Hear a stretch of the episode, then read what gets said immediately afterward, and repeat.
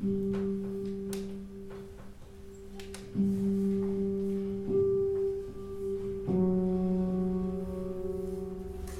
jullie uh, vanavond iets vertellen over mijn uh, voorstelling die ik uh, aan het spelen ben, On Ice, een solovoorstelling. En dat is een voorstelling die ik speel op een plastic ijspiste.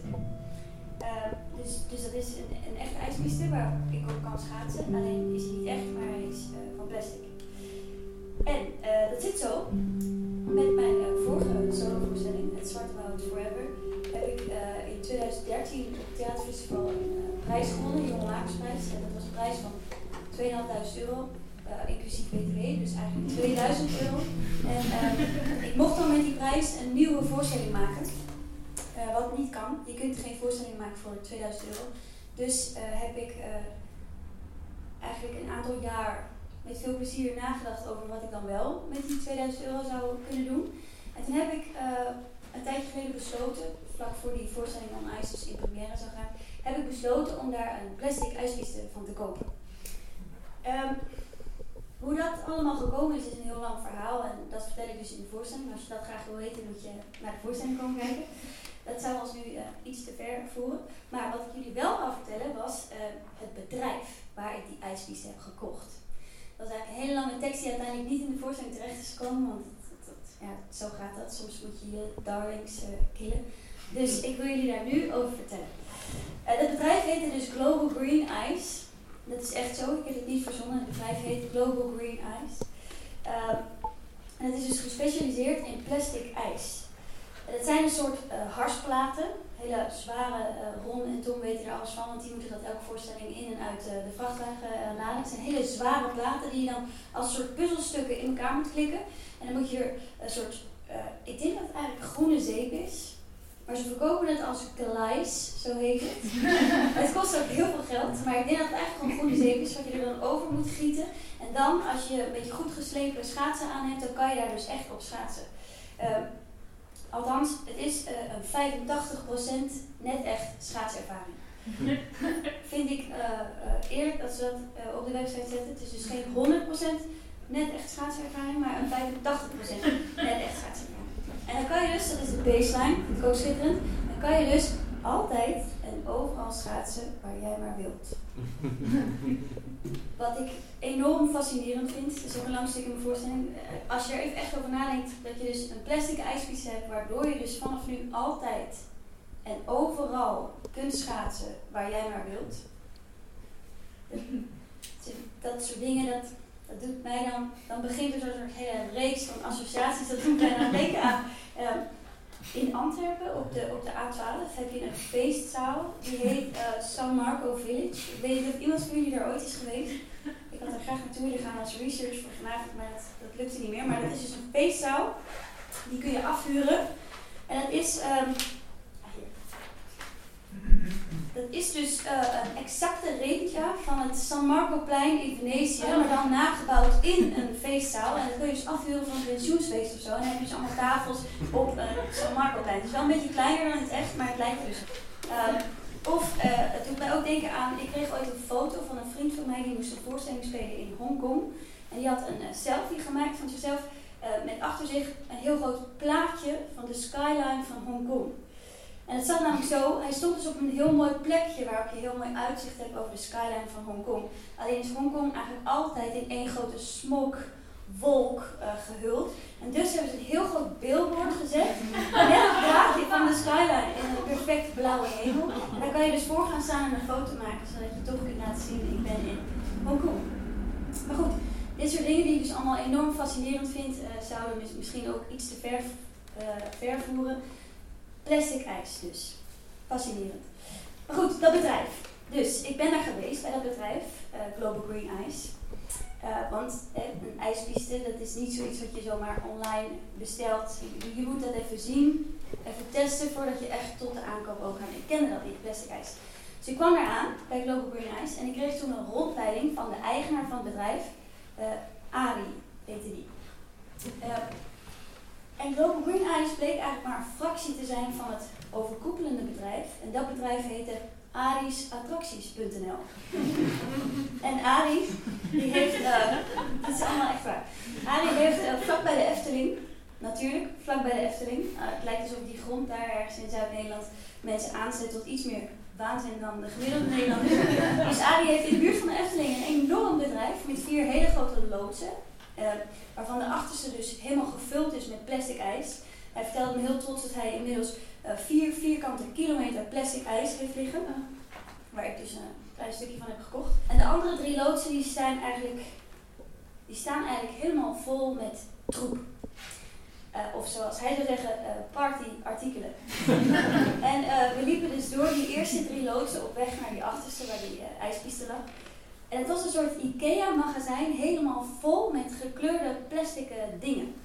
Opblaasballen, kermisattracties, themadecors, poppen, jukeboxen, kauwgomballen, automaten en heel veel opblaasbare dingen. eindeloos veel opblaasbare dingen. Dat was namelijk Ari's specialiteit, opblaasbare dingen. En het zijn op zich normale dingen, maar dan gigantisch groot en opblaasbaar. Zo liet hij mij bijvoorbeeld heel trots een uh, baby zien. Een opblaasbare baby van 4,5 meter hoog. Ik heb hier ook een catalogus van, het is echt echt schitterend om te bekijken. Dus die opblaasbare baby, 4,5 meter hoog. En dan zei hij erbij, uh, leuk, voor op een babyborrel. er kwamen langs opblaasbare stokbroden, opblaasbare wijnflessen, opblaasbare dieren voor dierentuinen, springkastelen voor zowel kinderen als volwassenen. Zo liet hij mij een gigantisch opblaasbaar, uh, het was een soort tafelvoetbalspel. Maar dan echt zo groot als een half voetbalveld. En dan moesten dus de spelers, dus de, de echte mensen, moesten in een soort klippenband en een velcro pakken. Werden dan geplakt tegen een soort balk. En dan was je dus een tafelvoetbal opgetild. Dus nog zo allemaal spelers in dat hele grote opblaasbare veld. En dan lieten ze dan de bal erin los en dan kon je dus doen alsof je een poppetje was in een tafelvoetbalspel. Um, wat ik op heel veel vlakken heel ingewikkeld vind. Want het tafelvoetbalspel is eigenlijk al een soort nepvoetbal, dus je zou ook gewoon kunnen gaan voetballen. Maar, maar goed. Maar Arie zei dat het uh, enorm geinig is voor bedrijfsuitjes. Um, hij liet me daarna een Arabisch opblaasbaar kasteel zien, compleet met uh, van die torens en een slotgracht eromheen. Daarna een hele grote opblaasbare sneeuwbol. Een van zijn best verkopende producten, zei hij. Uh, het was een supergrote opblaasbare bol uh, helder plastic waar je dan in kunt gaan staan en dan schieten ze een sneeuwkanon af. En dan, dan kan iemand van buitenaf een foto maken waardoor het dus lijkt alsof je eens een kleine Dat is dus een van zijn top uh, items. We liepen verder, nog steeds op weg naar die ijspiste die helemaal achterin lag. En toen helemaal ergens in de hoek, uh, onder een laagje stof, lag een enorme opblaasbare euromunt. Maar echt een enorme munt. Ik, ik denk dat hij vijf meter hoog was.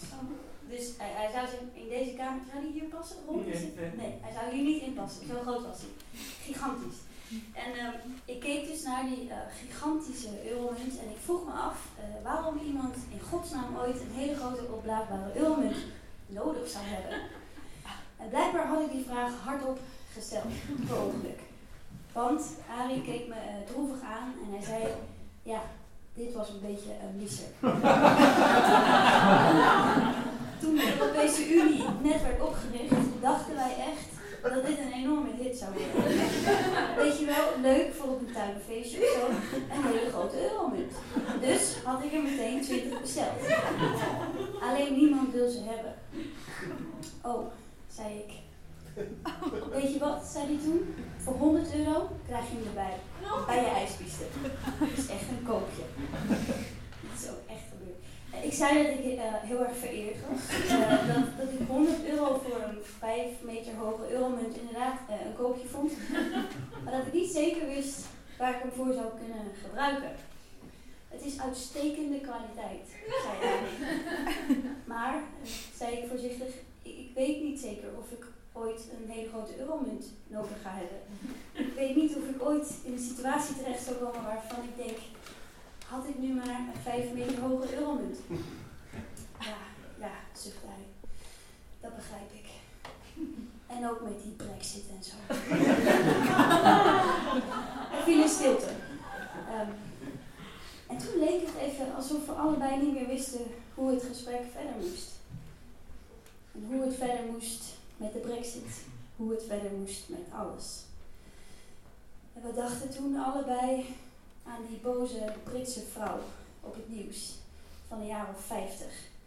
Die in de camera met een rood aangelopen gezicht verbeten snauwde All them Polish people taking our jobs. Tenminste, ik vermoed dat Ari daar op dat moment ook aan dacht, net zoals ik, aan die vrouw.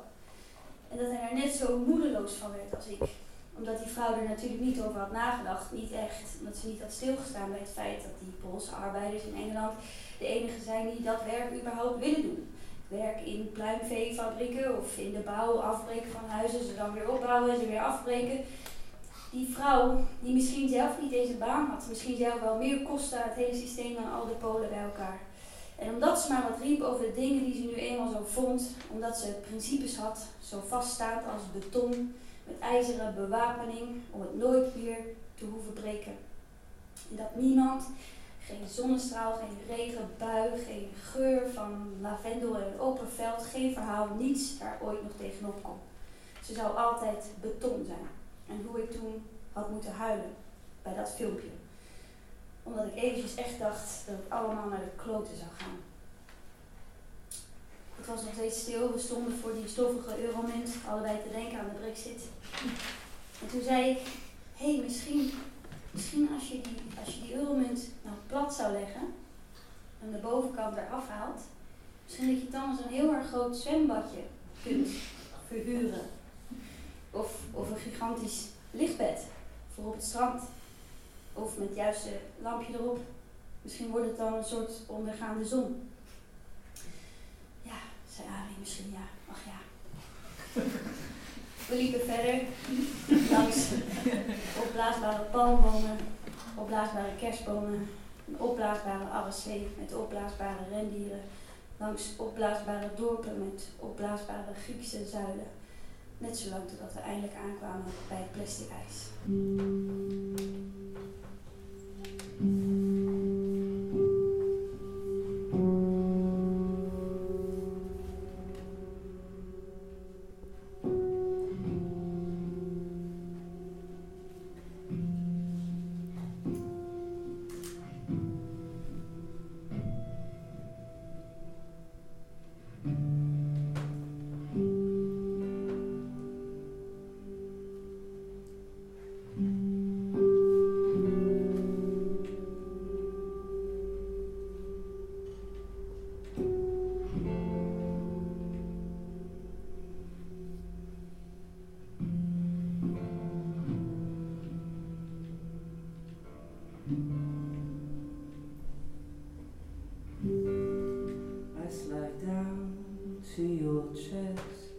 will arise and take the control.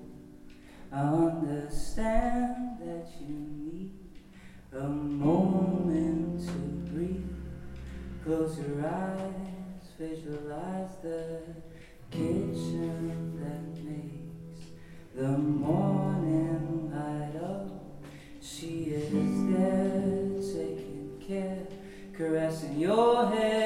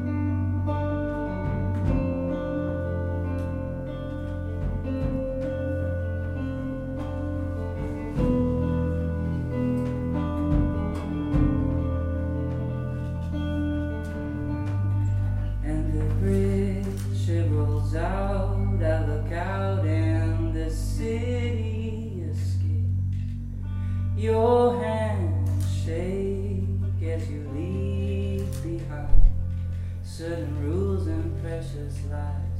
It's a balancing between conscience and hate.